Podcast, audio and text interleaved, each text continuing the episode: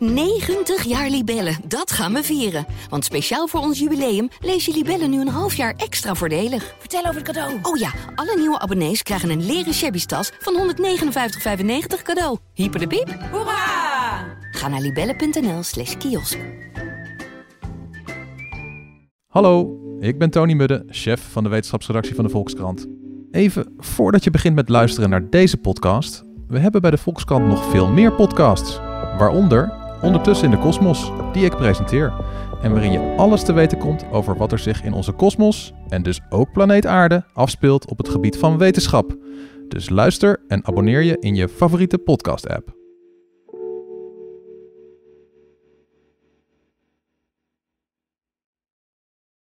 Hallo, mijn naam is Gijs Groenteman. Ik zit niet in een archiefkast op de redactie van de Volkskrant. Ik zit thuis onder de hoogslaper van mijn dochter. Ik ga zo meteen naar Den Haag om, en dat heb ik volgens mij voor deze podcast nog nooit eerder gedaan, een politicus te interviewen. Eh, het is ook nog verkiezingstijd, dus het wordt een heikele onderneming. We zullen zoveel mogelijk moeten proberen om politieke onderwerpen te vermijden. Want ja, dan eh, kom je al gauw in een, uh, in een campagnepraatje terecht. We gaan het hebben over de rest van het leven, hopelijk. maar dat komt vast goed.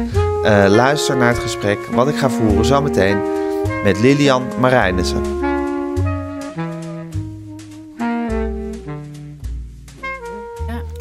Oké Lilian, waar zitten we? Ja, nou, we zitten in mijn werkkamer in Den Ja. Haag. Wat een werkkamer, hè? even goed. Bizar, hè? Ja. Ja. had je dat ooit gedacht dat je zo'n werkkamer zou hebben? nou ja, goed, misschien had je het wel ooit gedacht. Dat is Nee. ook de werkkamer van je vader Ja, eigenlijk. dat Exact is heel dezelfde. grappig, Dus ja. je kwam hier als kind ook. Ik ben hier wel eens geweest. Inderdaad, Ik kwam hier niet heel vaak hoor, maar het is op één hand te tellen. Maar in de jaren dat hij hier zat, ben ik er inderdaad wel eens geweest. Ehm, dus dat is ook wel heel bijzonder. Maar wat ik zelf misschien nog wel bijzonderder vind, is dat dit ook de oude werkkamer is van bijvoorbeeld eh, Joop den Uyl, Ja, van, van Mierlo, ja. van eh, de nazi's die hier hebben gezeten. Tussen 40 en 45, toen het parlement natuurlijk bezet werd. Ja, Kan je toch, dat er zijn kan je toch bijna niet bevatten dat je dan denkt: oké, hier hebben die lui dus gezeten. Ja. Hebben ze nagedacht en Ja, tot hele mooie of hele afschuwelijke ideeën gekomen. ja. In ieder geval heeft hier veel geschiedenis plaatsgevonden. Oh, hij heeft een en al geschiedenis. Ja. eh, eigenlijk waar je zelf nu eh, in de actualiteit onderdeel van bent. Dus Ja. dat is een hele. Aangezien het. Ja, ik vind het bestaan hier best wel. eh heigerig, als ik dat mag zeggen. Hè? Dus, nou ja, nu wij hier zitten, kwam net dat nieuws binnen van de avondklok bijvoorbeeld. Ja, Ja, da- dan moet je natuurlijk gelijk wat mee, gelijk reageren. Dat op zich ook logisch is natuurlijk.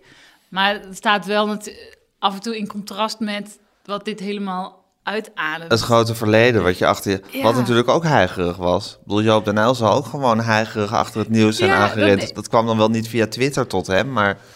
Nee, dat vraag ik me dan ook wel eens af inderdaad. Of dat in die tijd... ehm, ik denk dat het wel iets veranderd is. Precies door de, door de opkomst van sociale media. En Alles gaat altijd sneller. Ja. Maar in de ja. jaren zeventig zullen ze de tijd ook wel heel jachtig hebben gevonden... vergeleken met de wel, jaren vijftig. Ja, waarschijnlijk wel, ja. Ja. Maar goed, voel je de geschiedenis ook een beetje op je rusten hier? Ik bedoel, eh, voelt het ook als een soort taak die je dan aan het volbrengen bent? Een beetje wel, maar ja, kijk eens om je heen. Ik bedoel, als je toch dit je kantoor is, dan Ja. eh, het is heel imposant, hè? Het ja, is heel, het is eh, hoog, het is klassiek. ja, Ja, het is overigens ehm, ja, rijksmonument, zeg maar. Dus je mag er ook niks aan eh, veranderen. Dus niet dat je denkt dat dat goud, dat dat mijn, eh, dat het jouw keuze mijn is. smaak was. En mag je Eh, schilderijen ophangen? Ja, ik zie hier, Ja, er hangen hier dingetjes. Ja, dat is het enige wat mag. Voor de rest mag er eigenlijk niks. Maar waarom het heb je niks hangen, voor mij- Lilian? Ja, dat is een hele goede vraag, Gijs. Omdat ik gewoon nog niet heel erg aan toe ben gekomen. Over jachtig bestaan gesproken. Ja, Ja. ja, en dan wil ik iets ophangen en dan denk ik, zal ik dan dit of dat? En dan kom ik er niet uit en dan denk ik, ach ja. vind je dat moeilijk om te kiezen? Nee, maar het is, het is niet de prioriteit dan.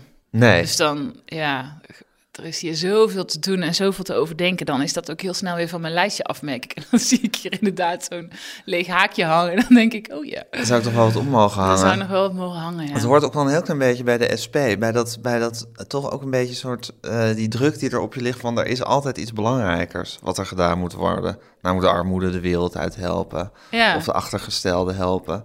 ja. Dat, dat zo, zoiets futiels als een schilderij uitzo- een leuk schilderij uitzoeken en bedenken wat je op wil hangen. Dat dat dan nooit op de eerste plaats mag komen. Ja, Nou ja, ik denk dat het waar is. Maar ik, ik moet wel zeggen, bijvoorbeeld eh, het meubilair wat je ziet, dat heb ik wel eh, zelf eh, uitgekozen. Dus ik heb wel, doch- toen ik hier kwam en fractievoorzitter werd, wel even tijd en zorg aan besteed hoor. Ja. Omdat het wel, het moet wel voor jezelf een fijne plek zijn natuurlijk. Tenminste, dat had ik wel bedacht. Want ja, je zit hier nogal wat uurtjes. Zo, Zeker. eh, Wat gebeurt er in deze kamer eigenlijk? Wat is, wat is, wat, wat is... Je, kom, je komt hier 's ochtends binnen. ja, Het is nu reces. ja. Maar normaal gesproken, wat... eh, Nou, alle kranten liggen hier op tafel, zoals je ziet. Ja. Dus die, dat doe ik 's ochtends als eerste. Alle kranten doorkijken. Maar dat is best wel eh, Een stapeltje. klus. Ja. En eh, dan is het vaak even overleg met de collega's over de dag. Ja, en als de dag dan eh, aangaat, om maar zo te zeggen, dan eh, begint dat jachtige geren. Dus het, ehm, eh, zeker op de drukke kamerdagen, dan staat ook de tv aan. Want we hebben allemaal een tv, daar kan je alle, op alle kanalen, alle zalen volgen Mhm. hier intern. Dus je kunt alle debatten meekijken, de stemmingen en zo natuurlijk volgen. Dus eh, ja, dat. En tegelijkertijd ook veel eh, ja, gesprekken hier met mensen. Ehm, door de coronacrisis moet ik zeggen wel wat minder natuurlijk. En dat vind ik ook echt een gemis. ja. Want dat, eh, ja, daar... Ja, dat is mijn energie en, en, en de brandstof, zeg maar. Om gewoon mensen te ontmoeten. Ja, ze joh, en praten. ideeën op te doen en dus dingen te horen en, en verhalen en voorbeelden. Maar goed, dat probeer je natuurlijk wel op andere manieren te doen. Ja, en eh, interviews, eh, gesprekken met collega-kamerleden hier. Weet je aan het begin van de dag wat je gaat doen? Of ontrol, ontrol, eh, is het zo vol dat dat zich, dat dat zich ontrolt Ja. gedurende de dag? Ja, het laatste. Dus er is natuurlijk wel een agenda en die staat vol. Maar het is eigenlijk zelden dat die agenda ook zo de werkelijkheid wordt. Omdat Ja. er gewoon, en meestal omdat er allerlei dingen ja, tussendoor komen in de actualiteit. En ehm, ja, voor ons geldt dan ook vaak, eh, ja, of er komt een uitnodiging van een eh, tv-programma bijvoorbeeld. Ja, die beslissen dan vaak pas in de loop van de dag dat jij s'avonds mag komen. Ja. Ja, nou En dan kan je geen nee tegen zeggen. Nou goed, je kan overal nee Ja. tegen zeggen, maar je moet je kans ook grijpen natuurlijk. Ja, een goede balans in vinden natuurlijk. Maar ja, als je denkt, hey, dit is voor mij een mooi podium en een mooi onderwerp, ja, dan ga je natuurlijk. Maar dat betekent wel dat je dan, du moment dat dat helder wordt, gaat natuurlijk de agenda om. En Ja. dan moet je gaan voorbereiden. Eh, dus er wordt ook nog wel eens wat verzet. En daar heb ik eh, qua afspraken bijvoorbeeld, en daar heb ik wel zelf eh, heel erg aan moeten wennen. Want ik ben best wel zelf van de structuur, het overzicht, de controle. en dat heb je hier niet altijd. dus daar moet je je wel een beetje aan overgeven. Ben je van de structuur en het overzicht en Als controle? het even Daar kan, hou je van. wel ja. Als het even kan, wel. Ja, Maar ik denk ook anders hier in deze chaotische, hectische, jachtige omgeving... dat je er anders... Weet ik niet hoor, maar ik zou het dan nog lastiger vinden... als je Ja, van jezelf precies. helemaal geen eh, structuur of orde hebt. Ik ben wel echt van, zeker in mijn hoofd, de orde. En de rest om me heen is dan zo'n chaos. en hoe doe je dat dan in je hoofdorde brengen? Wat zijn jouw methodes? Ehm, nou, dat is eh, ja, toch wel gewoon nadenken. Ja, Maar ook heel praktisch dingen opschrijven. Dus eh, gewoon opschrijven, eh, ideeën opschrijven, eh, dingen opschrijven die ik nog bijvoorbeeld moet uitzoeken. Of dat zijn dan ook inhoudelijk van hoe zit dit ook alweer? Of, eh, ehm, ja, en ook gewoon opschrijven wat er allemaal te doen is. Dus Ja. ik heb overal wel, ja, nu met de mobiel doe ik ook veel in de mobiel. Mhm. Maar ook wel gewoon met pen en papier op een briefje. Wat is eigenlijk de essentie van een politicus? Is dat, is dat de ideeën hebben of is dat met mensen communiceren of is het besturen?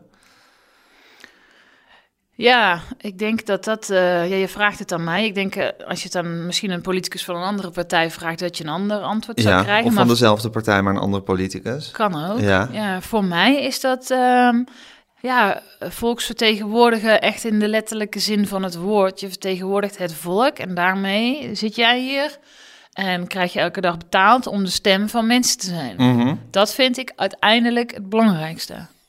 Ja, om de stem van mensen te zijn. Ja, hier in het parlement. Maar jij moet zelf vormgeven wie, wat die stem zegt, zou ik maar zeggen.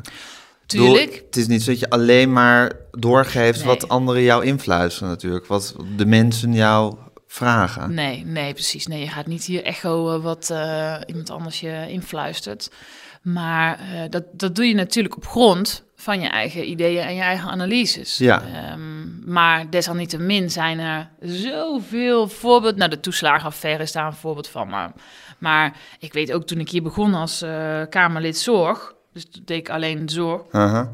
Nou, die eerste debatten, ik kan me nog zo goed herinneren dat ik echt dacht, waar ben ik terechtgekomen? En dan bedoelde ik dat die, de, nou ja, collega's, zeg maar, van andere partijen, politici, ja, het was allemaal zo'n papieren wijsheid. Voor mij, hè. Ik bedoel, eh, ieder eh, natuurlijk doet het op zijn eigen manier.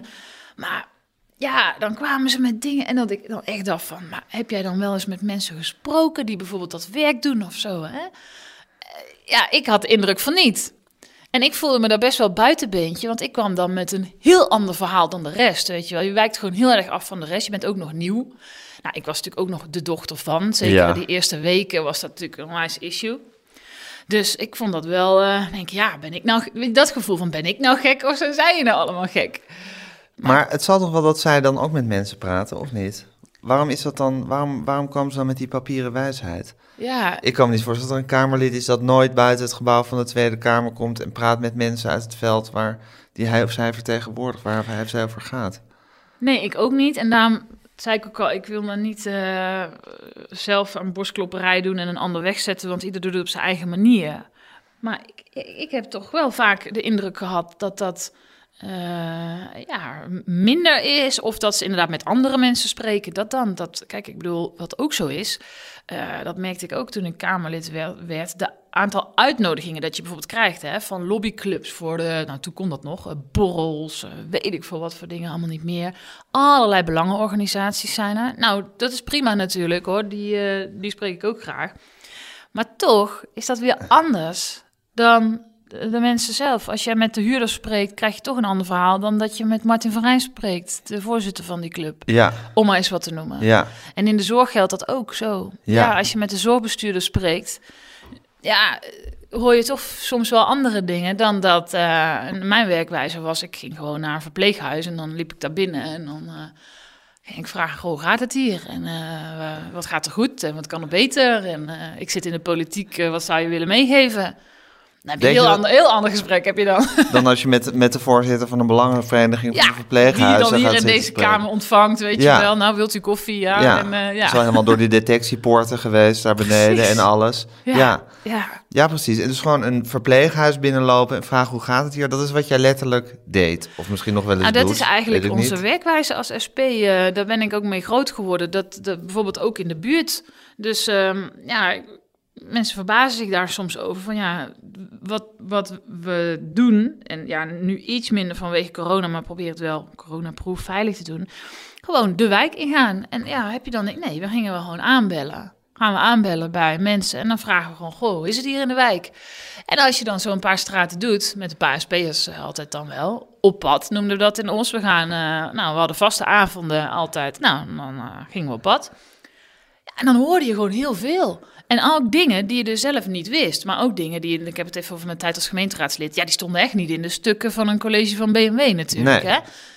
Dat er, eh, ja, weet ik veel, dat er overlast was, of dat het te hard werd gereden, of dat er behoefte was naar speelgelegenheid, of dat eh, de woningcorporaties afspraken niet nakwamen Gewoon de en dingen. het eh, huis lekte Ja. aan alle kanten. Ja, die dingen hoor Ja. je dan. Maar eigenlijk Maar dan moet je wel naar op, op, op jacht, zeg maar, Precies, je zoek. moet wel op pad gaan, zoals jullie Ja. dat noemen. En, maar eigenlijk is het zo, en dat geldt voor jou, maar dat geldt voor iedereen, dat eigenlijk zodra je hier die, dat Tweede Kamergebouw binnenkomt komt om te werken, als Kamerlid bijvoorbeeld, nou dan krijg je een kamer of een werkruimte. En je bent natuurlijk onmiddellijk ook een prooi voor allemaal mensen die dingen van je willen. Dus eigenlijk gaat het er ook om dat je hier verkeert en dat je spreekt met wie je wil spreken. En dat je voortdurend eh, bezig blijft om eh, jouw beeld van de werkelijkheid intact te houden. Dus Ja. dat is natuurlijk in hoeverre je al andere mensen je, werk, je beeld laten bepalen. Maar er komt natuurlijk een, onmiddellijk een druk op je van mensen om hun werkelijkheid aan jou op te dringen. En dat is dan misschien eigenlijk wel de essentie om een soort eh, helderheid te houden over wat volgens jou de werkelijkheid is. Ja, en ik denk dus dat contact met mensen daar essentieel eh, voor is. Eh, een van de eerste dingen die ook toen ik als, als zorg voor het voeden startte speelde, was nieuwe wet rondom de ambulancezorg. Nou ja, ja, goed. Ik heb toen gedacht, weet je wat, ik nodig mezelf gewoon uit. Ik ga een dag mee op de ambulance met medewerkers. Ja, en daarna, de dag daarna was het debat. En dan heb je zoveel eh, voorbeelden. ehm, ja, gewoon dingen die echt, ja, die echt zijn, zeg maar. Nou, die had ik echt nooit eh, zelf kunnen bedenken of uit die beleidsstukken gehaald die allemaal mee werden gestuurd. Ook belangrijk, dus die lees Ja. ik ook wel. Tuurlijk. Maar daar moet het niet bij blijven. Nee, maar er zullen misschien ook Kamerleden zijn die juist hun hele werkelijkheidsbeeld halen uit het helemaal kennen en doorgronden van alle cijfers, getallen en aantallen die er zijn Mhm. over een bepaald onderwerp. Wat natuurlijk ook een deel van de werkelijkheid is Zeker. en niet onbelangrijk. Zeker, maar eh, als je dossierkennis, zeg maar, weten waar je het over hebt, ja, dat vind ik ook heel belangrijk. Dus eh, je moet wel zorgen dat je de feiten op een rijtje hebt, dat je Zeker. goed weet hoe het zit. Maar eh, weten waar mensen tegenaan lopen en wat dat wat wij hier bespreken en eh over stemmen, wat dat betekent voor gewone mensen, dat is iets heel anders. Dat lees je niet in beleidsstukken. Nee, En er zijn zoveel voorbeelden van die. Want er wordt nu natuurlijk best wel vaak gezegd van. Oh, hè, alle handen ideeën van de SP worden overgenomen. En jullie krijgen gelijk. En eh, ja, ehm, maar de wrange werkelijkheid is natuurlijk dat heel veel van dat soort zaken. Of het nou eh, het sluiten van de sociale werkbedrijven was. Of het sluiten van de verzorgingshuizen. Of eh, alle hervormingen in het onderwijs bijvoorbeeld. Heel vaak, eigenlijk altijd, trokken we daarop samen met de mensen die daar toen mee te maken hadden. Met de onderwijzers bijvoorbeeld. Of met de mensen die werkten in een verzorgingshuis. Ja. Die toen al zeiden, doe het niet, dit gaat fout. Ehm, maar dat is allemaal in de wind geslagen. En dat heb ik toen heel erg ook ervaren van... eh, was een soort ehm, ja, bureauwijsheid. Nou, bijvoorbeeld met het sluiten van een sociale werkbedrijf. De gedachte erachter was natuurlijk, nou, ook mensen met een arbeidsbeperking moeten gewoon in een regulier bedrijf aan de slag kunnen. Kom op, we doen het allemaal samen. Samen naar het werk is superbelangrijk. Ja, als je dat zo hoort, dan denk je, ja, dat klinkt mooi toch? Wie kan daar nou tegen dat zijn? is papieren logica. Verzorgingshuis, idem dito. Ja, maar iedereen wil toch gewoon zo lang mogelijk zelf thuis kunnen blijven wonen. Zelfstandig oud worden. Wie wil er nou naar zo'n verzorgingshuis? Die lange gangen. Ja, klinkt ook heel mooi. Maar uiteindelijk zijn die dingen natuurlijk ooit wel een oplossing voor iets geweest. En nu zien we hoeveel mensen met een arbeidsbeperking thuis zitten achter de graniums. Dat ja, is niet gelukt. zich te vervelen. Nu zien we de eenzaamheid toenemen onder ouderen en komen we tot de conclusie: ja, ja, we missen eigenlijk iets tussen thuiswonen en verpleeghuizen. En zo kan ik nog wel even doorgaan. Ja, En ik denk dat dat heel kwalijk is, omdat het, eh, ja, het heeft dingen kapot gemaakt die we nu allemaal weer moeten herstellen. Nou, gelukkig is vorige week nog een meerderheid gekomen voor bijvoorbeeld het heropenen van die sociale werkbedrijven. Maar daarachterweg komt denk ik nog, ehm, ja, de, hoe mensen het vertrouwen kunnen verliezen in de politiek. Die toen bijvoorbeeld daarvoor hebben gewaarschuwd, die zelf eh, het werk doen, dus die donders goed weten hoe het zit, maar die zijn niet gehoord. nee. En dat is misschien nog minstens zo erg eigenlijk. Ja, dus de slotconclusie is dat de SP altijd gelijk krijgt uiteindelijk. dat is sowieso heel erg goed.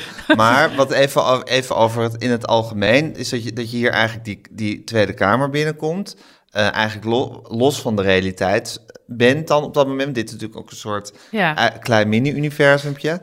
En dat je dan eigenlijk moet gaan strijden om eh, een zo goed mogelijk beeld van de werkelijkheid te krijgen. En dat zal iedereen op zijn eigen manier doen. Ja. En iedereen die ik hier stuk voor stuk op de gang zal aanspreken, alle 150 Kamerleden zullen zeggen, dat, Zullen ze, dat zeggen. dat ze daar hun uiterste best voor doen en hun, hun eigen specifieke en hele goede methodes voor hebben. Maar dat is wat iedereen hier aan het doen is. Van je gaat eigenlijk uit de werkelijkheid door hier te zijn en zie maar hoe het, eh, probeer te blijven zien hoe het is daarbuiten.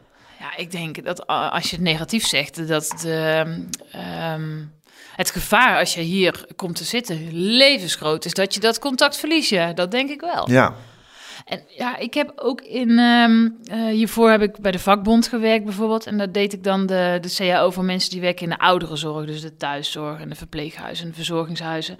En ja, op een gegeven moment ga je dan naar die CAO-onderhandelingen. En dan zitten er dan aan de ene kant van de tafel die vakbondsvertegenwoordigers. En aan de andere kant van de tafel zitten die zorgdirecteuren. Ja, ik had er toen voor gekozen om twee mensen van de werkvloer mee te nemen. Bijvoorbeeld naar die CAO-onderhandelingen. Nou, dat was me wat, weet je. Want dat was niet de bedoeling. Die CAO-onderhandelingen die vinden dan ook plaats in een gigantisch kasteel te Vught, weet je wel. Nou, daar is deze kamer echt niks bij. Dat was echt nog... dan is dit weer de poetskamer bij. Ja, absoluut. De bezemkast Ja. was dit eh, daarbij. En eh, ja, bizar. En, en het was totaal niet de bedoeling. En eh, wie ik wel niet dacht dat ik was. En het werd er gewoon gezegd, die mensen horen hier niet. Dat zal ik nooit vergeten. Die mensen horen hier niet. Ah, gewoon mensen van de werkvloer. Hè? Dat is hun CAO. Nou, dus toen kreeg ik het dubieuze record op mijn naam van de snelst geklapte CAO-onderhandelingen ooit. Want ja, ze waren in seconden geopend en toen zeiden die Oh ja? directeuren, ja, nee, ja. Dat ze, daar begonnen nee. ze niet aan. Dus de hele eh, bende werd weer opgebroken in het kasteel. en we konden weer naar huis. Ja, Ze gingen weer naar huis. Ja. Ze zeiden gewoon, eh, we gaan niet praten met jou. Ja. Met die mensen erbij. Ja. Eerst die mensen weg. En ik zei, ja, je hebt nu een soort Ik ga het is heel jammer dat mensen je niet kunnen zien, want je hebt nu een soort dodelijke blik in je ogen. het komt weer helemaal boven. Dat kun je je toch niet voorstellen. En ik zei, nou ja, dan dan, eh, ja, dan ga ik ook. Ja, Nou, dat was dan... eh, dat was het dan weer. serieus, was, de- ik geloof, een van de grootste cao's van Nederland. Is dat bijna een half miljoen medewerkers. En daar werd zo mee omgegaan. Hey, en Lilian, was dat nou een soort provocatie van jou om die mensen te nemen, wi- mee te nemen? Wist je dat dit ging gebeuren? Of dacht je oprecht van, nou, dat is, dat is ook goed als zij ook mee kunnen praten? Met, welke, met welk plan ging, ging je daarheen? Nou, het laatste absoluut. Maar het eerste was ik me natuurlijk wel van bewust. Ja, Want eh, ja, eh, omdat het helemaal zo werd opgetuigd met een lange tafel en kroonluchten en een afgemeten aantal stoelen. En ik had natuurlijk twee mensen mee, dus er waren twee stoelen tekort uiteindelijk. Ja, dus dat werd al een heel, eh, van ja, Ding. zit ze nou, wie zit nou op wiens stoel? Ja. En, oh, oh, oh. M- maar goed, uiteindelijk is het wel, eh, hebben we het afgedwongen. En is het nu eigenlijk staand beleid, eh, ook bij de FNV, dat er altijd bij elke CAO-onderhandeling eh, iemand van de werkvloer mee is. en die opstandigheid, Lilian, heb je die, van- heb je, want je was ook al bizar vroeg, was je, was je gemeenteraadslid en alles. Dat militante, heb je dat altijd in je gehad? Ehm, ik vind mezelf dus heel braaf, maar Vind je jezelf heel braaf? eigenlijk wel. Ja? Ja, maar ja, misschien is dat ook omdat je zelf dan denkt, maar ik doe toch gewoon dat wat rechtvaardig is. Dus wie is hier nou eigenlijk militant? Ja, Ik vond die Mhm. zorg, zorgbestuurders vond ik militant met hun eh, ouderwetse ja. praat. Maar in ieder, geval heb, in ieder geval heb je niet de neiging om je zomaar te schikken naar de mores van de, laten we zeggen, de heersende klasse. nee, dat, eh, nee, dat, nou ja, als ik, als Hoe ik, was je op school bijvoorbeeld? Ehm, volgens mij wel een serieuze leerling. Ja. Dus ik nam het wel serieus. Ik was Ja. ook echt flink van het studeren. En dat ging dan tot diep in de nacht door. Want ik wilde het wel allemaal halen. En dan ook nog met goede punten. En ik moest er echt wel ook hard voor werken. Het kwam me zeker niet aanwaaien. Maar ik weet wel dat ik... Ja, ik was dan ook wel inderdaad eh, in de medezeggenschapsraad. En, eh, en dat soort dingen. En eh, toen ik studeerde, weet ik ook nog dat ze op een gegeven moment... eh, ja, toen, toen gingen ze vakken afschaffen of zo voor het jaar daarna. En het kwam erop neer, als je dan een vak niet haalde, dan moest je daarna alles maar zelf uitzoeken. Als complete eh, zelfstudie. En dan mocht je alleen een bezemtoets, heette dat dan. Dus mocht je alleen een universiteit komen om een toetsmoment. En dat was het dan. Ja, en toen dacht ik, ja, hallo, maar daar betalen we toch geen collegegeld voor. Wij willen onderwijs, weet je wel. Dus dan was ik wel degene met anderen inderdaad, die dan een petitie ging starten. En eh, ja, ging Ja. aankaarten van, hé, hey, eh, dit is toch zeker niet de En bedoeling. eigenlijk is dit de pikken we basis dan altijd je altijd, ja, hallo, maar zo zit. Dat is wat ik zeggen, jouw, jouw eerste gedachte. Dat je iets ziet en dan denk je van, ja, maar dat klopt niet. niet. Ja. Ja, Toch? eigenlijk wel. Ja. ja. Als je zou zeggen de on, de, de, het gebrek aan logica en bepaalde dingen ziet, dan denk je van, ja, maar dat hoef ik op zich niet over mijn kant te laten gaan. Ja, of, of als het gewoon oneerlijk voelt, of, of niet rechtvaardig voelt, of denk je, dit klopt niet. Ja.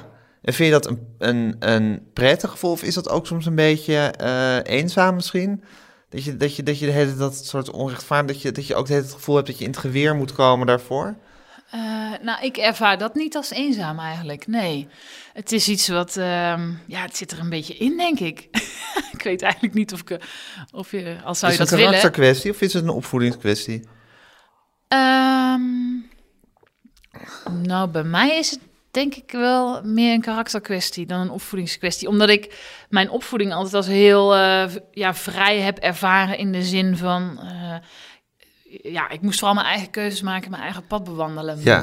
Maar ik zeg er gelijk bij, ik ben natuurlijk wel opgegroeid in een politieke Politiek omgeving. gezin. En ik zag continu om me heen, sowieso mijn vader natuurlijk, maar is minder bekend is mijn moeder, die ook eh, actief Ook van wanten wist. Zeker weten, ja, zeker weten. En eh, ook al van jongs af aan, trouwens. Dus ja, ik ben wel in die omgeving opgegroeid. Ja, maar je denkt dat het ook een karakterkwestie is van je. Ja, ik denk, ja, ik heb wel het idee bij mij, als ik het zou moeten zeggen, van dat zit er wel in of zo. Dus het is, ja, het is niet eh, een heel beredeneerde keuze. Dat Nee. ik oh, nu weet ik veel, vind ik het belangrijk om mezelf die kant op te ontwikkelen en daarom ga ik dat wat meer doen of zo. Nee, dat is totaal niet aan de Heb je orde. Dit verzet- voelt super vanzelfsprekend. Heb je je verzet tegen, de, tegen het, het, het, het carrièrepad wat je bleek te gaan bewandelen om de politiek in te gaan? Heb je daar zelf nog een soort iets van gehad van ja, is dat een goed idee eigenlijk? Jawel. Ja, jawel. Ehm, ja, omdat ik... ehm, ik heb natuurlijk ook eerst acht jaar eh, bij de vakbond eh, echt wel wat anders gedaan. Dus het was voor mij niet een... eh, want ik weet nog dat al eerder, al de vier jaar daarvoor, Emiel Roemer toen een keer echt is langs geweest en echt wel een klemmend beroep heeft gedaan van wil jij niet naar Den Haag komen, Lilian? En in de Kamerfractie. Oh ja? Ja, ja. Want was je al in de Osse gemeentepolitiek, was je toen al actief? Ja, ja, want dat heb ik 13 jaar gedaan. Ja. Vanaf mijn 18e. En meteen een talent? nou, Heet ja. hij het te zijn? Ja, oh, nou. Oh, nou. Misschien verkeerd begrepen, maar goed. nee, dat heb je heel goed begrepen. Ja. Nee, ehm, ja, nee, dat klopt, ja. ja dus dus de, de verkiezingen voor, de laatste verkiezingen dat ik Kamerlid ben geworden, eh, ja, is Emiel Roemer ook langs geweest. Ja, maar toen heb ik, toen heb ik de afweging gemaakt, nee, ik moet dat nu in ieder geval niet doen. En Nee, maar je was toen toch ook wel in die Ossenpolitiek eh actief. dus dan, dan weet je al dat je een beetje... eh, dat je er al een beetje met één been in zit. Ja, dat wel. Maar ik was toen ook nog zo vol bezig bij de vakbeweging. En volgens mij zaten toen ook midden in die grote bezuinigingen in de zorg. Dus de halvering van de thuiszorg, tienduizenden ontslagen. eh, medewerkers dus die een kwart van hun salaris moesten inleveren. Kun je bijna niet meer voorstellen. Maar ja, dus dat voelde ook... Ik zat midden in, in, in die strijd met hen... En eh, dat voelde toen helemaal niet goed om dat achter te laten. Ik was daar gewoon echt ook nog niet, eh, niet klaar. Nee, maar dat je bijvoorbeeld de gemeentepolitiek inging... was dat iets wat je, wat je niet anders kon doen? Had je iets van, ja, dat, dat, dat, dat doe ik gewoon. Ja, dat was een beetje een ongelukje. Want ik, ik ben dus gekozen toen ik nog geen 18 eh, was. Ja. En ik stond ergens, weet ik veel, halverwege op die kieslijst of zo. Het was meer van, ja, je hebt eh, 30, 40 eh, mensen op zo'n lijst nodig. En dat is dan een beetje een afspiegeling van wat er in je partij rondloopt. Dus er werd mij gevraagd van, nee Lilian, jij komt op die lijst. Ja, Oké, ja, zo ging dat dan. maar nooit gedacht dat ik dan met voorkeurstemmen... Want ik kreeg dus, ja, zoveel voorkeurstemmen... dat ik eigenlijk rechtstreeks in die raad werd gekozen. Wat dus weer niet kon, omdat ik geen 18 Omdat je nog geen was. 18 was. Dus duurde maar dat ik 18 Dus werd. je kan wel op een kieslijst staan en eigenlijk nog niet verkiesbaar Ja, zijn. dat kan. Een soort rare Ja, fout in de, ja. de ik geloof wel dat je dan in die periode... eh, zeg ik even uit 18 mijn moet hoofd, 18 worden. moet Ja, worden. precies. Je kan nog niet op je 12 Nee. al op de lijst gaan staan. dat geloof ik niet, nee. nee. nee. Maar, Maar goed, goed, je ja. kon er nog niet in. Maar je stond eigenlijk meer een soort voor- pro forma op die lijst. Je had helemaal niet gerekend dat je gekozen zou worden. Nee, er staan natuurlijk eh, er staan meer mensen op die lijst dan dat er zetels zijn in de Osseraad. Ja. Weet je wel. Dus het is ook gewoon om de breedte van je partij te laten zien. Zeker. En nou, dat deed ik met liefde, want ik was wel eh, al in de jongerenraad in Os toen actief. Dat is dan politiek onafhankelijk. Daar ben ik ook nog voorzitter van geweest. En eh, ja, dan was je bezig met thema's van jongeren. En dan was het gevraagd en ongevraagd de gemeente adviseren, maar ook zelf acties opzetten. Maar ik ging ook eh, een popconcert organiseren in de sporthal voor jongeren, omdat ik dan vond dat er geen zak te doen was in Os voor jongeren. Weet je, dat soort dingen deden we ook. Ja, Ehm, dus ja, dus, maar het was nooit een bewuste keuze van ik ga nu de politiek in. Ik Nee. ga me nu inschrijven en eh, nee. Nee. Je bent er meer ingerommeld. Ja, een Ja. beetje wel eigenlijk als ik er zo op terugkijk. Vind je het een leuk leven?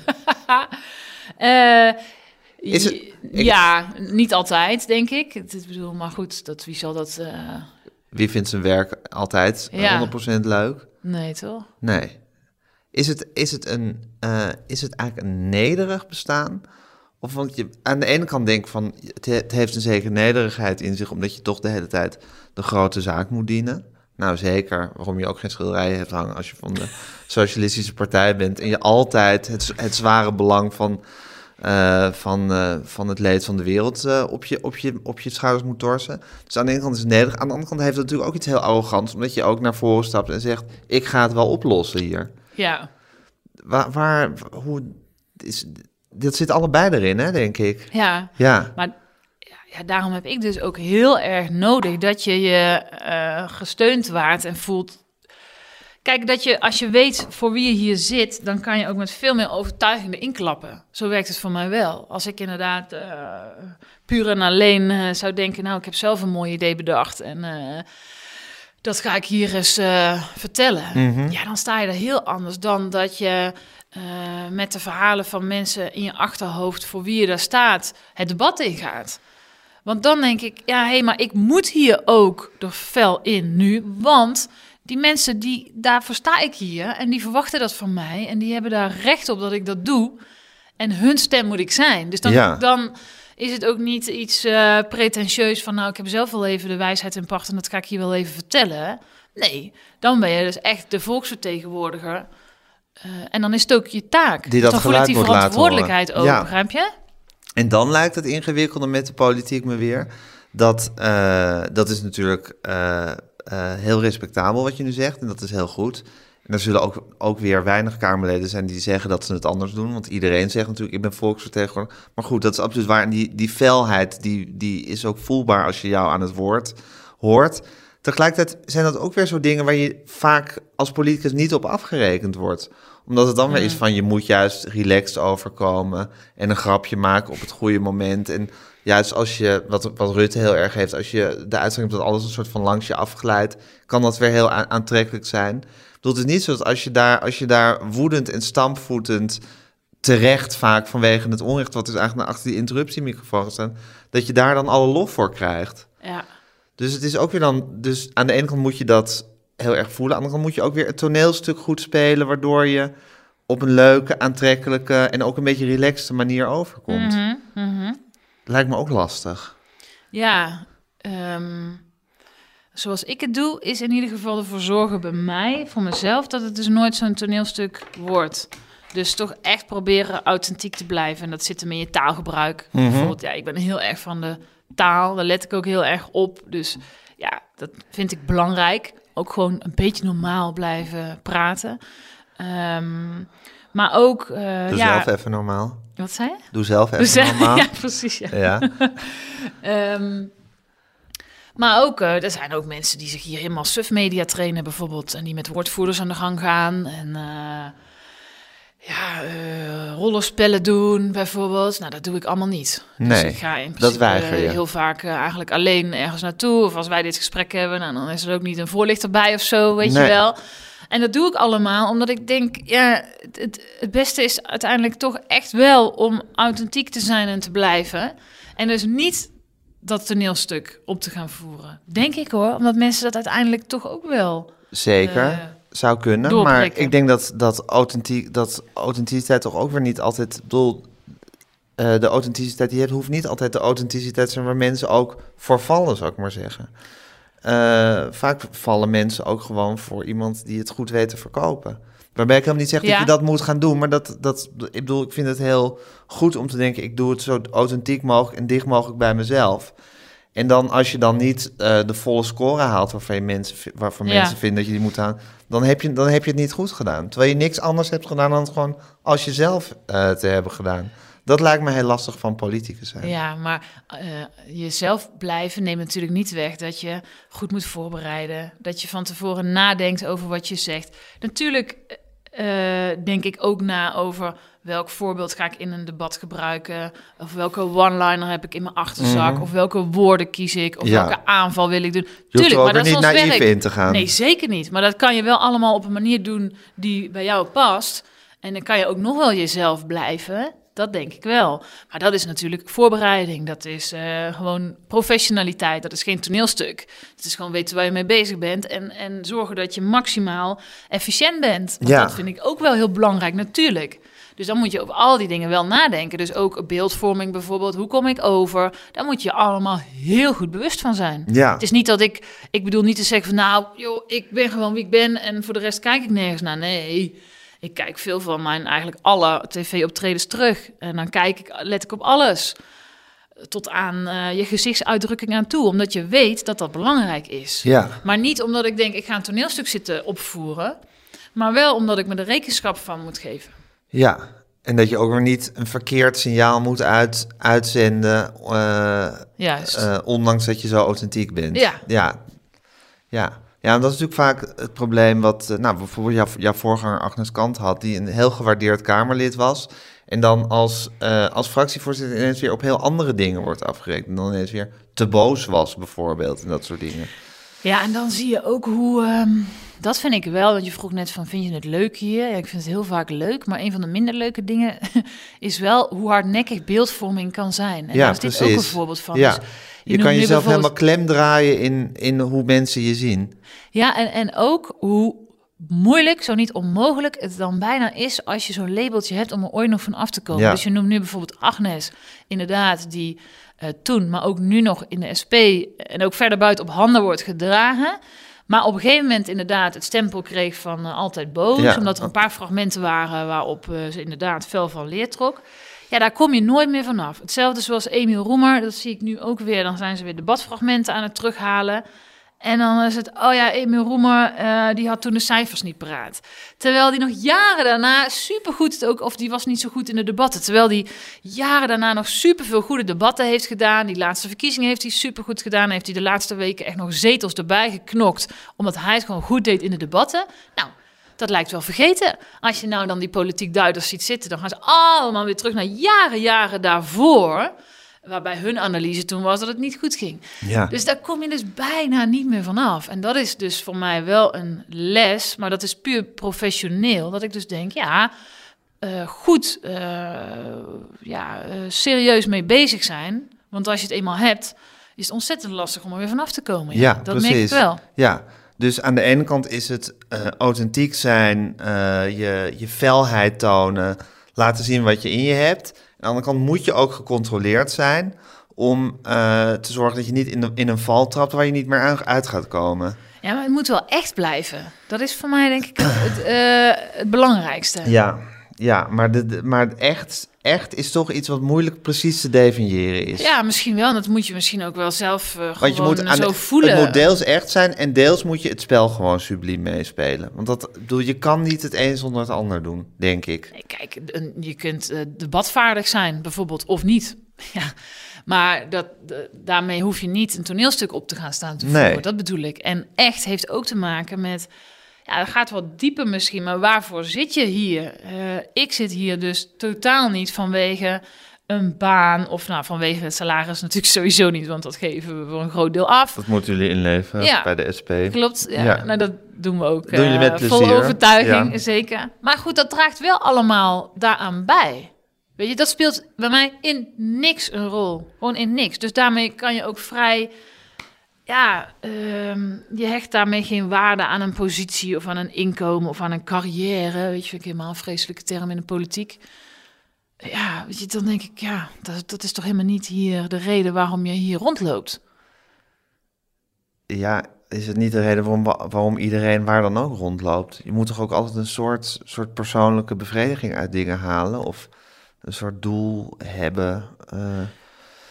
Ja, voldoen. Maar ik heb veel voldoening uit het werk wat ik doe, eh, omdat je iets kunt betekenen voor mensen. Als wij. Een eh, carrière maken vind, mag nooit, vind je hier in dit gebouw, de, eh, de reden zijn dat je hier bent. ja, voelt voor mij heel erg, staat heel erg af van wat je hier doet. Want voor mij is dat één op één gekoppeld aan je idealen. Als ik, ik veel, als ik ergens geld wilde verdienen, dan zou ik wel inderdaad ergens anders gaan zitten. Ja, zou je ergens consultant zijn geworden? Dat spreekt me niet heel erg aan, maar ja, ik denk dat ik daar meer zou verdienen dan hier natuurlijk. Ja. Ja. Dus dat is geen enk, op geen enkele manier een, eh, een drijfveer. En dat maakt denk ik wel dat je heel, eh, ja, heel oprecht kunt zijn. En echt ook eh, de idealen waarvoor je zit en waarvoor we het allemaal doen. En ook op de dagen dat je wel eens denkt van, "Oh, waarvoor doe ik het ook allemaal? Dat die wel altijd de boventoon voeren. ja. En is het, hoe, hoe is het om zo hard met verkiezingen afgerekend te worden? Op wat je hebt gedaan. Het is wel een hele kille... eh, ik bedoel, je werk wordt wel in, en je idealen worden wel in hele kille cijfers uitgedrukt dan. Of ze zijn aangekomen of niet. Ja, dat klopt. Ja, ja dat is eh, ja, voor mij wel spannend. Want dit zijn mijn eerste verkiezingen als lijsttrekker voor Mhm. de Tweede Kamerverkiezingen. Dus ik ga dat voor het eerst nu allemaal zo meemaken in zo'n echte Kamerverkiezingcampagne. Maar dat, ik, ja, ik geloof wel dat dat, eh, dat dat hard kan zijn, ja. Ja. Lijkt me heel erg moeilijk. Ja? Ja, het lijkt me, ja, goed. Ik ken wel de soort, soort lichte paniek die je kan voelen voordat je iets moet presteren of iets moet, eh, moet gaan doen. En ja, het is toch, eh, het is, ja, ik zit me nu af te vragen of het nu seksistisch van me is dat ik dit aan jou vraag, of ik dit ook aan een man zou vragen. Probeer Stel me- hem maar hoor, de pro- vraag. probeer mezelf de, se- de, seks, de seksisme, de seksisme eh, gezel op te leggen. Nou, stel gewoon je vraag. Nou ja, dat. Van of, het, of, dat, of, of die kille, of die Oh. kille afrekening, of dat wel, of dat wel ja, te verdragen is. Of je dan niet nu in een soort permanente staat van paniek bent. Vooroplopend op die, verk- eh, op die verkiezing van shit, eh, komt het wel aan wat ik heb gedaan? Nou, volgens mij kun je dit ook prima, had je dit ook prima aan een man gevraagd, Ik had, het, hoor. denk Dus, ik, ik eh, had het denk ik ook aan een man gevraagd. Maar als iemand mij nu had gezegd van... oh, dat is typisch een, een vraag die je aan een vrouw stelt... eh, dat, is, eh, dus dat, is, dat, dat is seksisme, zou- dan zou ik, zou ik misschien denken van... ja, er zit misschien ook wel wat in. Ja, ben je daar bewust mee bezig?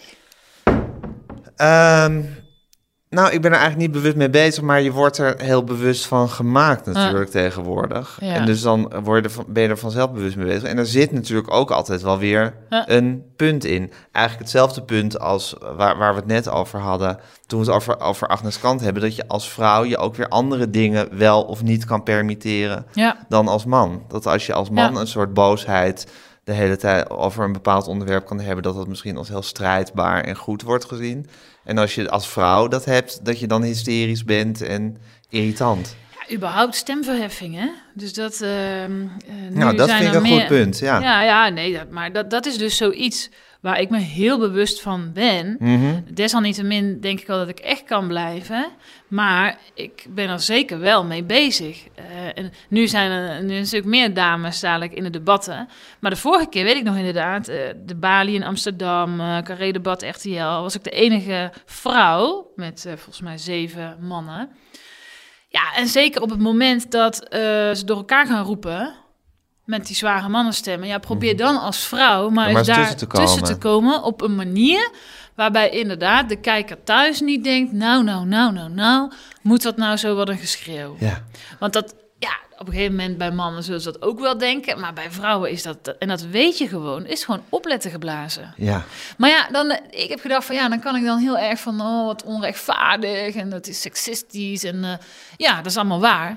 Maar ja, het is even wel zoals het is. Dus ik, ik moet me er wel toe verhouden. Dus ik heb toen toch wel gedacht, ja, nou ja, beter ga ik daar niet eh, zielig over doen. Beter ga ik nadenken over, Hoe kom je Hoe slim, eh, zonder veel je stem te verheffen? Ja. ja. ja. Dus dat bedoel ik met, ik ben wel, natuurlijk, maar dat vind ik, dat hoort bij nadenken over hoe kun jij het beste jouw boodschap over het voetlicht brengen. Nou, daar moet ik rekening mee houden. Dus daar denk je dan wel over na. Ja, ja nou dat is dus, dat is dus precies eigenlijk de, de soort eh, eh, balansact die je moet doen tussen en je authentieke woede helemaal, of, of je authentieke verontwaardiging of idealisme of wat dan ook, maar je, je emotie de vrije loop laten en tegelijkertijd dat op zo'n manier doen dat je niet als een vervelende schreeuw lelijk wordt gezien, waarbij je als vrouw dus dan weer aan heel andere dingen moet voldoen, blijkbaar dan als, eh, als man. Ja, mijn inschatting is dat dat inderdaad zo is. Ja. Er zullen ook genoeg mensen zijn die zeggen, ah, dat is helemaal niet waar. Maar ja, ik denk dat dat wel zo Dat is werkt, absoluut hoor. waar. Ja. Ja. ja. en dat is dus wat ik ook bedoel met dat, dat, dat pure authenticiteit moet toch ook altijd een beetje gecontroleerd, eh, gecontroleerd worden. Ja, maar dat heeft voor mij dus allemaal te maken met ehm, ja, nadenken over hoe ben ik het meest effectief. Op die manier. Maar dan niet vanuit een, een, iets, iets nepperigs. Maar ik denk, ja, hoe effectiever ik ben, hoe- dichter die idealen Ja. in- eh, Maar dichterbij je bent dus een heel zeg maar. idealistisch Dus en tegelijkertijd een heel pragmatisch iemand. ik denk dat dat eigenlijk hier wel moet, ja. Want het zijn ook dingen waar je gewoon eh, je toe te verhouden hebt. Ja, en dat heb je misschien ook wel gewoon in je van jezelf. Ben je een pragmatisch iemand? Eh, ja, denk ik wel. Ja, denk ik wel. Maar ja, weet, ik denk, kom op, ik wil vooruit. Ja, eh, dus dan is dat wel handig. Er moeten dingen ik. gepresteerd ja, worden. dan moet wel eh, iets gebeuren hier. Ja. Wan- Wanneer heb je eigenlijk je belangrijkste politieke lessen geleerd? Over hoe de politiek is in de praktijk. Goh, dat is. ehm, Nou, dat is wel grappig om te vertellen. Misschien ehm, de gemeenteraad Os, waar ik dus 13 jaar in heb gezeten.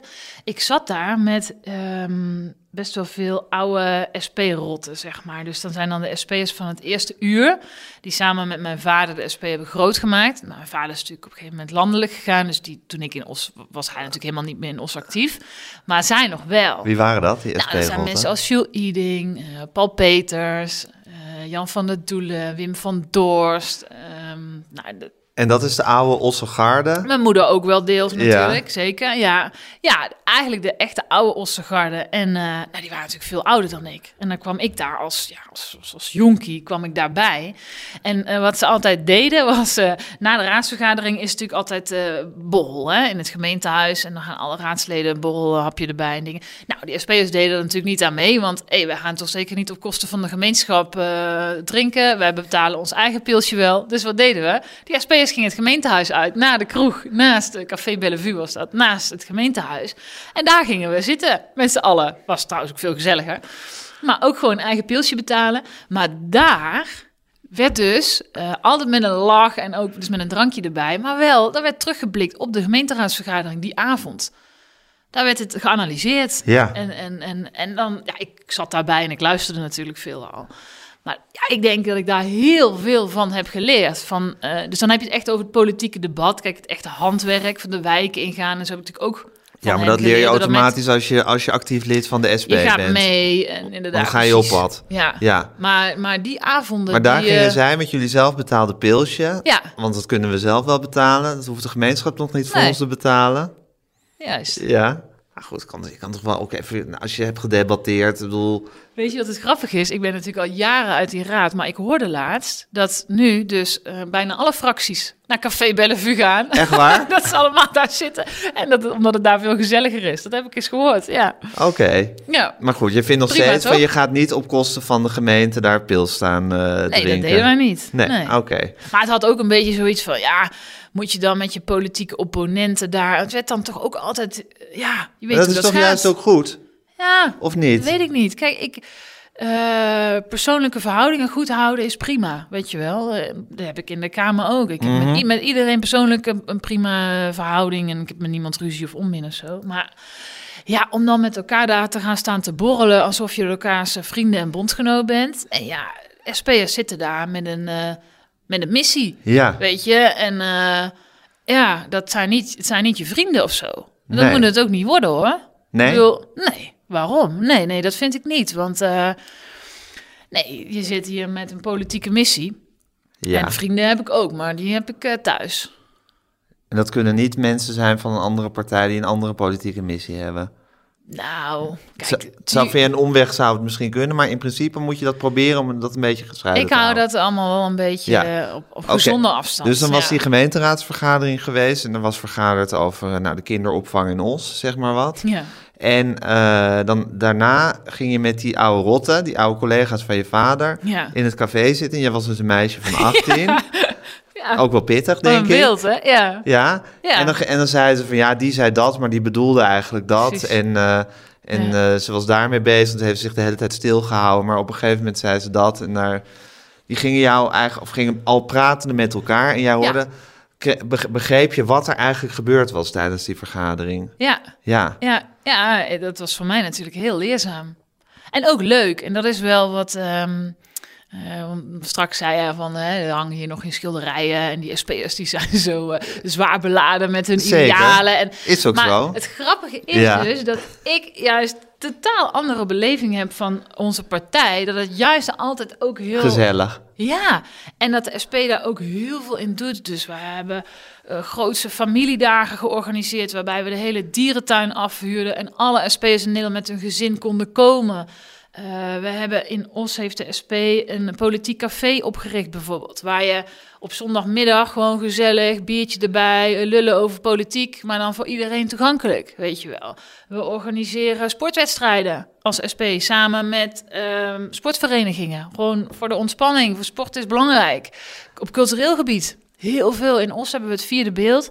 Eén keer per jaar een gratis groot evenement, cultureel evenement. Dan is het weer film, dan is het weer dans, dan is het weer poëzie. Altijd in samenspraak met de lokale ondernemers, met eh, de, ja, de culturele instellingen uit Os. Allemaal eh, ja, ter vermaak ook. Dus ja. het moet ook wel eh, leuk zijn. En dat maakt ook, denk ik, dat het al gauw een hechte club is. Waarbij je ook, ja, ehm, dat strijden voor die idealen, dat, dat voelt dan echt als een soort van zelfsprekendheid. Dat is niet een soort zware politieke opgave of zo. Daar zijn we gewoon mee bezig. ja, dat is gewoon wat jullie doen. Ja, Ja, en die, en die, en die, die biertjes in Café Bellevue na afloop van die raadsvergadering, dat was eigenlijk jouw opleiding tot politicus. En voelde je dan ook dicht bij je vader op een bepaalde manier, ondanks dat hij er niet bij was? ik heb dus natuurlijk ook nog eh, politicologie gestudeerd. ja, tuurlijk. Nee, maar goed. Maar uiteindelijk denk Dat ik is- dat je aan dit soort dingen Precies, misschien dit, wel... dit, dit is, dit is Ja, het, het veldwerk. dat is de echte zeggen. leerschool, hoor. Ja, dat is de echte leerschool. Ja, Maar ja. voelde je dan dicht bij je vader als je daar zat in dat café? Ehm, nee, dat heb ik dan eigenlijk weer nooit zo. eh, maar denk ik ook omdat eh, ja, mijn vader natuurlijk landelijk bezig was. En dat was dan ook wel weer ver weg. Zo. Ja, maar dit was Den wel, Haag is dan dit wel was wel zijn, zijn eh, hoe noem je dat, homeground. Dit, dit was ook zijn Ja, oorsprong ja. natuurlijk. Met Maar exact die tijd deze heb ik natuurlijk nooit meegemaakt. Nee, maar daarom trad je... ik zat daar vaker met mijn moeder natuurlijk, die daar nog wel volop mee bezig Zeker, was. maar juist omdat, juist omdat hij daar niet meer was, maar dat wel het gezelschap was waarin hij natuurlijk ook veel verkeerd had. Ja, dat wel. Ja, dat wel. En het zijn ook eh, de mensen die eh, ja, eh, op de verjaardag kwamen en zo. Weet je, dus dat, dat zijn ook wel vrienden geworden. Mhm. Ja. Ja. En was het altijd, was het, je, hebt je altijd als een vis in het water gevoeld in dat, in dat politieke? Eh, ja, het ligt een beetje aan welke omgeving. Daar wel. Ja. Bij de SP Os wel, zeker. En ook omdat... eh, ja, het mooie was gewoon altijd dat je het politieke combineerde met... eh, ja, nou, misschien wel dat pragmatische. Gewoon dingen doen. Ja. Dus een ander voorbeeld is van mijn moeder die in Os eh, een speeltuin heeft gebouwd. Omdat ja, er was geen speelgelegenheid in Os. De gemeente wilde geen zak doen. Nou, steken we handen uit de mouwen, doen we het zelf. Is eh, avond aan avond Os de deuren langs geweest. Geld verzameld, vrijwilligers verzameld. Gigantisch eh, speelparadijs gebouwd wat er nu staat. Echt ook van Ossenaren is, met Ossenaren gebouwd. Maar het gevolg daarvan was, ik was natuurlijk kind, dus ik ging altijd mee. Zij was eh, voorzitter van die eh, speeltuinstichting, dus zij moest daar ook nog vaak eh, na sluitingstijd allerlei administratieve dingen doen. Maar er werden ook festivals georganiseerd en dan kwamen al die SP'ers met hun eh, kinderen, die ook allemaal van mijn leeftijd waren. Wij waren daar allemaal en we hadden allemaal een taak. Weet je, de ene was eh, lotjes aan het verkopen en de ander was suikerspinnen aan het draaien en de ander was weer iets anders aan het doen. Maar we werden allemaal ingezet. Ja. Weet je? en, maar ieder, iedereen vond, het was ook gewoon zo'n ontzettend leuke eh, tijd en daarmee ook zo vanzelfsprekend en ook zo hecht. Dat je, ja, dat voelt dan bijna als familie. Ja. Zo komt het ook over. Ja, Ja. Ja. Het komt natuurlijk als een hele hechte, misschien soms ook een beetje beklemmende, van, van als, als, als buitenstaander, kan ik me voorstellen. Maar wel heel eh, bij elkaar-achtige partij over. Ja, het is eh, ja, met elkaar dingen doen. Ik, ik heb zelf echt nooit het idee gehad dat iets, iets beklemmend is. eh, want je bent vrij om te gaan en te staan waar je wil. Ja. Maar ja, ik heb het juist altijd heel mooi gevonden om het politieke te combineren met ook gewoon in de praktijk doen. Ja. Dat is een beetje, ja, niet lullen, maar poetsen mentaliteit. Ja. Dat, dat, ja, dat hoort wel bij ons. Ja. Welk deel van jou is ook bezig met je eigen eh, soort geluk, ontwikkeling, waar je heen wil? Is het, is het ide alles ideale wat de klok slaat? Ehm, ja, ik denk dat, dat, er, eh, dat het in elkaars verlengde ligt. Is dat zo? Kunnen, Ja, want daarom zei ik al dat, dat strijden voor je idealen zie ik niet als een soort, eh, poeh, nou dat wordt in mijn rugzak geladen en poe, poe, poe, wat is dat nou zwaar? Nee, dat, Het kan niet anders. Eh, Dat hoort erbij. Dat, het, eh, het voelt van mij vanzelfsprekend, maar het voelt ook goed. Ja. Ik haal daar mijn voldoening uit en dus ook mijn geluk uit. Ja. Begrijp je? Het is niet een zware missie of een taak die op mijn schouders rust. Nee, ik voel dit als wat fijn dat, dat je dit mag doen. Ja. Nou ja, als je in deze omgeving zit, dan denk ik dat ook heel vaak. Kijk, er zijn ook zeker wel minder leuke kanten. Daar hebben we het net ook over gehad. Maar het is ook heel vaak dat ik denk van... Jeetje, man, kijk nou om je heen. Dat je in deze omgeving gewoon mag zijn. En, en zo dicht bij het vuur kan zijn. En zoveel, ja, hopelijk kan betekenen voor mensen. Ja. Ja. Hoe is deze, hoe is deze, deze campagnetijd voor je? Behalve dat het een gemankeerde campagne Ja. is nu. Ja, we hadden het net even, toen ik binnenkwam, hadden we het er even over. Ja, Dat natuurlijk op pad gaan is natuurlijk, zit in jullie DNA ja. als SP. Nou, op We pad gaan gaan. nu op pad met de anderhalve meter mat. Ja. Oh ja? Ja. Die hebben jullie letterlijk. Die rollen we dan uit voor Ja. de deur. En dan, ja, en, en merken dat mensen, we krijgen er helemaal geen negatieve reacties op. Sterker nog, het omgekeerde. Mensen vinden het fijn. Mhm. Maar ja, het is wel gemankeerd in die zin. Normaal zou je nu ook avonden doen, eh, debatten met scholieren op scholen. Mhm. ehm, nou ja, noem het maar op. Grote campagneactiviteiten. Ja, dat is natuurlijk super gaaf. En dat is nu allemaal niet. Ja. Dus nu is het veel eh, online. Maar ja, dat vind ik suf, want dat is allemaal zenden. Wij zijn toch van het gesprek.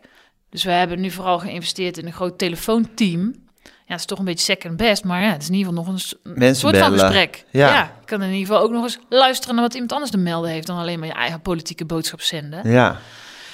Dus dat, eh, dat doen we wel. Maar ja, het voelt wel een beetje, dat zei ik als campagne voeren met de hand op de rug. Ja. Ja. Voor ons als SP. Ja. Heb je zin in de debatten? Jawel, ja, jawel. Ik kom er ook steeds beter in, merk ik.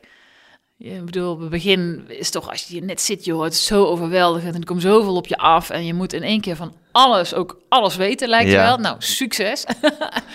maar nu, eh, ja, ik heb er wel heel veel zin in, omdat ik ook het idee heb van, eh, ja, ik zit er goed in en ik ben er klaar voor.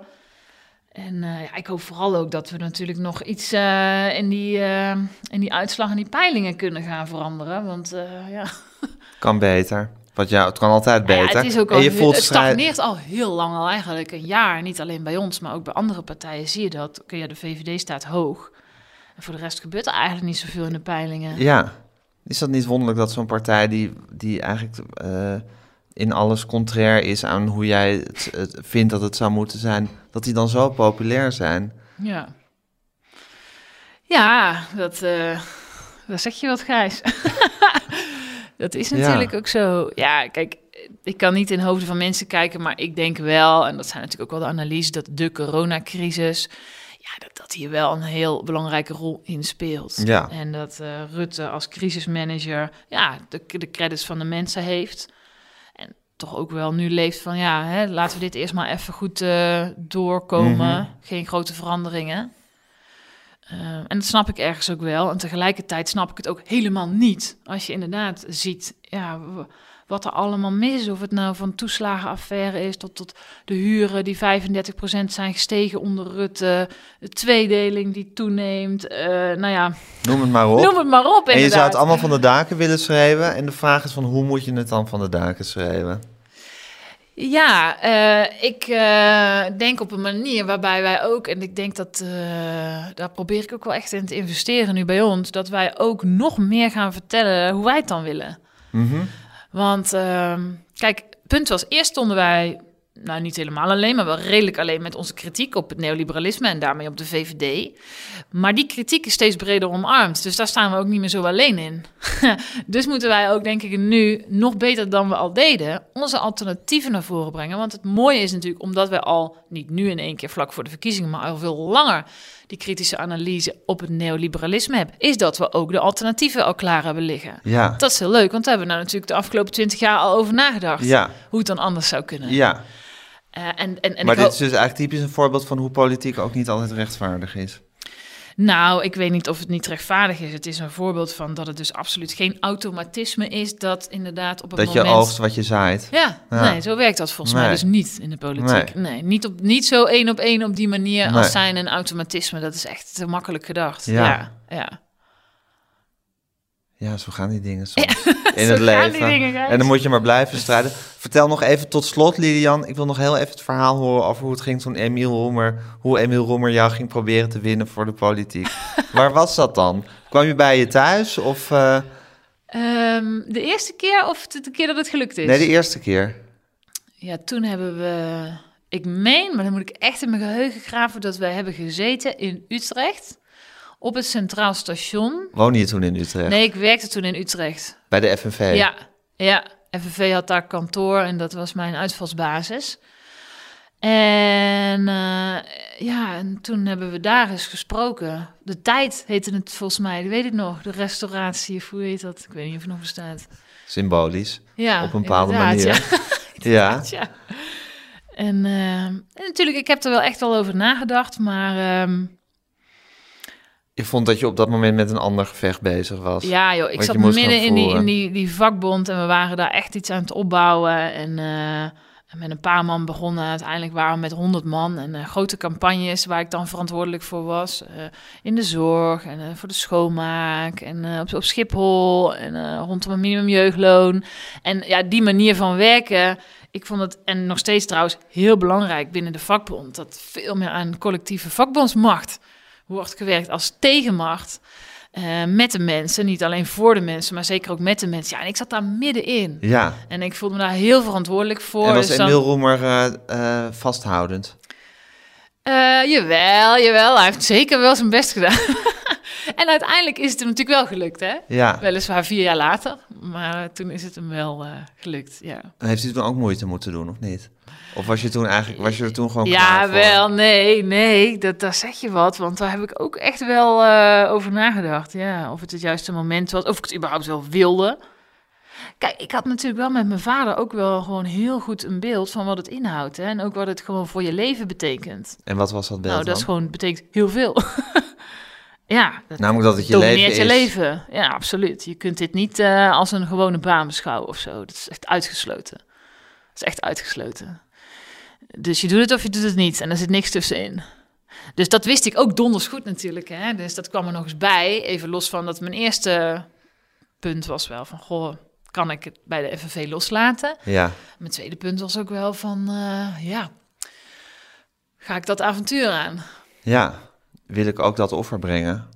Ja, ja, ja, in zekere zin wel. Ja, en, en ook kan ik het wel. Heb je het je Dat vader ook. kwalijk genomen dat hij dat offer had gebracht? Toen jij kind was?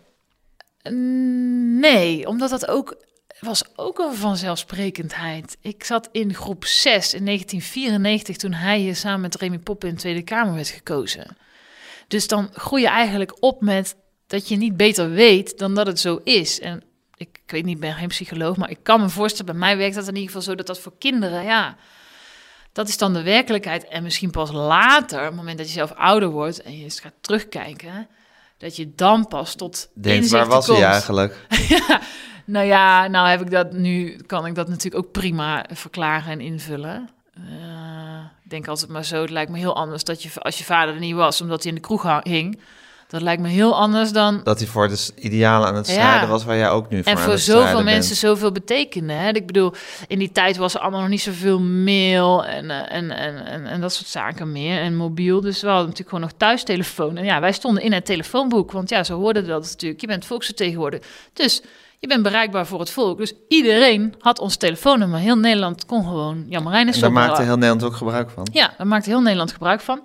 Maar goed, Jan was natuurlijk nooit thuis. En ik wel. dus ik nam thuis de telefoon aan. En eh, ja, 9 van de 10 keer was het iemand die gewoon uit den landen belde met Ja. iets. Wat diegene aan mijn vader wilde vertellen. En dan, nou, dan ging ik dan luisteren en dan netjes een briefje maken van die en die meneer of mevrouw heeft gebeld. Die komt daar vandaan. Dit is ongeveer het verhaal. Oh, daar maakte hij een briefje voor Ja, hem. maakte ik een briefje van. Ja, ja, zo ging dat. Ja, en dan kwam hij aan het einde van zijn week thuis. Dan maakte die briefjes daar. Ja, ja zo ging dat. Eh, Maar dat is ook een goed. beetje jouw opleiding in de idealen geweest ja, natuurlijk. dat, dat bedoelde ik net te zeggen. Van, dat is natuurlijk wel je omgeving. Ik geloof wel dat je omgeving je ontzettend vormt. En dat Uh-huh. was natuurlijk wel mijn omgeving. Ja. Ik zal nooit vergeten dat ik... eh, want iedereen wist dus ook waar we woonden. Want er stond ook een telefoonboek natuurlijk. Dus ze kwamen ook gewoon aan de deur. Dat ik ook wel eens de deur opendeed. En dat stond een meneer en die eh, had zijn fiets zo tegen het hek gezet. En die kwam uit Drenthe. Die was uit Drenthe komen fietsen. Omdat hij, ja, ik weet Naar niet eens meer, naar Os. Van Drenthe naar Os komen fietsen. Respect. Want hij wilde Jan Marijnissen spreken. Want nou, ik weet niet eens meer wat er was. Volgens mij een probleem met de woningbouw of huur. Of werd zijn huis uitgezet of zoiets. Ja, Ja, en dan, maar dan denk je dus wel als kind, hoeveel indruk maakt dat? Weet je, zo'n meneer komt dus op de fiets uit Drenthe. Nou, dat snapte ik ook nog wel. Dat dat dat, ver eh, een was. takkeneind was. Maar die persoon heeft dus zoveel vertrouwen in mijn vader... dat die dat voor hem kan gaan oplossen. Ja. Je, Dat is het beeld wat ik als kind heb gekregen van de politiek.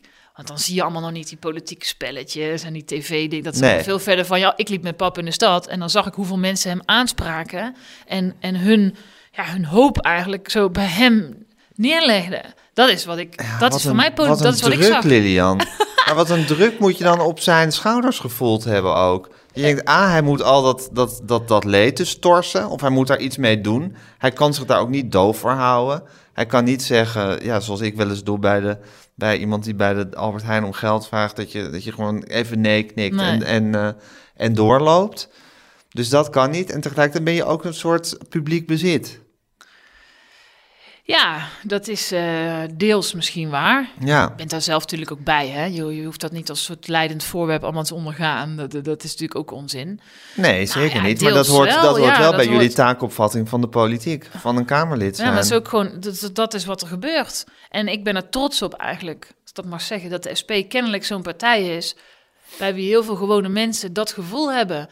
En dat werd ook tegen hem gezegd van, jij, jij zit er voor ons, weet je wel. Jij Mhm. strijdt tenminste voor ons. Ja, ik, ik, je Hij kan zeggen van poe, poe, poe, nou eh, wat een last op je schouders. Maar ik zag het veel meer als, als kind van wauw, weet je wel. Dat is wel mijn vader, hé.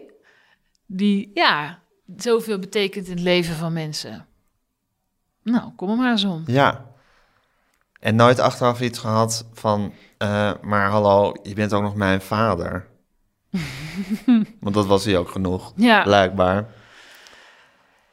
Nee, ja, ik, eh, nee, maar ik denk ook wat ik zei, omdat het als kind is dat zo. Ja, en en ik heb het altijd goed gehad thuis en je weet niet beter. En je vindt er gewoon ook je eigen weg. En ja, tuurlijk, ik zal misschien... eh, ik ben ook nog enig kind, dus dan ben je nog wat vaker echt alleen. Dus misschien dat je dan wat sneller, ja, ik weet het niet hoor, ik vul het maar in, eh, wat zelfstandiger bent of zo. Nou ja, weet je, dat heeft ook, heeft ook zo zijn positieve kanten. Ja, er zullen ook minder leuke, er zijn ook Praat minder je leuke met je ouders over de keuzes die je nu moet maken, politiek? Of is het juist een onderwerp wat je ook een beetje moet eh, mijden thuis? Nog niet omdat je dan ruzie krijgt, maar dat je ook je niet te veel moet laten beïnvloeden daardoor. Ja, ik, eh, nou, zeker ook door corona hoor. Zo zie ik ze eigenlijk nauwelijks nu. Eh, en ik spreek ze dus ook veel minder. Maar eh, ik merk bij mijn vader wel echt een terughoudendheid als het gaat over. eh, hij is wel altijd eh, beschikbaar voor adviezen, maar hij zal niet ongevraagd allerlei meningen de wereld in slingeren zo. Hij wil mij niet voor de voeten lopen daarin, denk ik. Hij volgt wel alles, dat merk ik wel. Hoe merk je dat? Nou, dat hoor ik dan via mijn moeder. Oké. Volgens mij vindt hij het soms ook zelfs wel spannend als ik wat moet doen. kan ik me voorstellen. Ja, Ja. ja, ja, ik nu ook wel, ja. Maar voor de rest eh, gaat het daar dan eigenlijk eh, verrassend weinig over. Dat is wel grappig, want als ik dat soms lees, dan gaat het over de keukentafel in Os, alsof wij daar dan eh, de hele politiek zouden Ja. bespreken. En dat is dus totaal niet aan de orde. Het tegendeel bijna. Ja, Ja. Als het al wat is, dan is het hooguit eh, het praktische. Dat ik ergens naar een programma moet en dat in een studio is waar hij ook wel eens is geweest. En dat het dan gaat over nou, wat een mooie plek is dat of zo. Weet je wel, dat niveau. Maar ja, daar heb je het dan over met Ja. elkaar in, een- in, een- in een gezin. Ja, maar niet over hoe je Mark Rutte gaat aanvallen. nee, nee, Nee. nee, nee, Nee. totaal niet. Ja. Nee. Wonderlijk toch, hè, hoe het leven loopt. Ja. Dat je nu in zijn oude werkkamer zit en in die van Hans van Mierlo en Joop den Uyl. Ja, Ja, illustre voorgangers. ja. en dat je, dat je met dezelfde, dezelfde strijd bezig bent en tegelijkertijd dat ook weer helemaal op je eigen manier doet. Ja, Ja, dat is wel mooi om af te realiseren. Dan denk ik, ja, deze, al die grote mannen die zaten hier ook. Maar die hebben ook eh, zo vast en zeker zo hun overpeinzingen gehad hier in deze kamer. ja. Zoals we die allemaal hebben in het Ja. leven. Dat denk ik wel. Dankjewel Lilian. Geen dank. Dank voor het fijne gesprek. Succes met alles wat er komen gaat. Dank Dit was Met Groenteman in het Nieuwe Normaal met Lilian Marijnissen. Mijn naam is Gijs Groenteman. Ik maakte deze podcast samen met Daan Hofstee.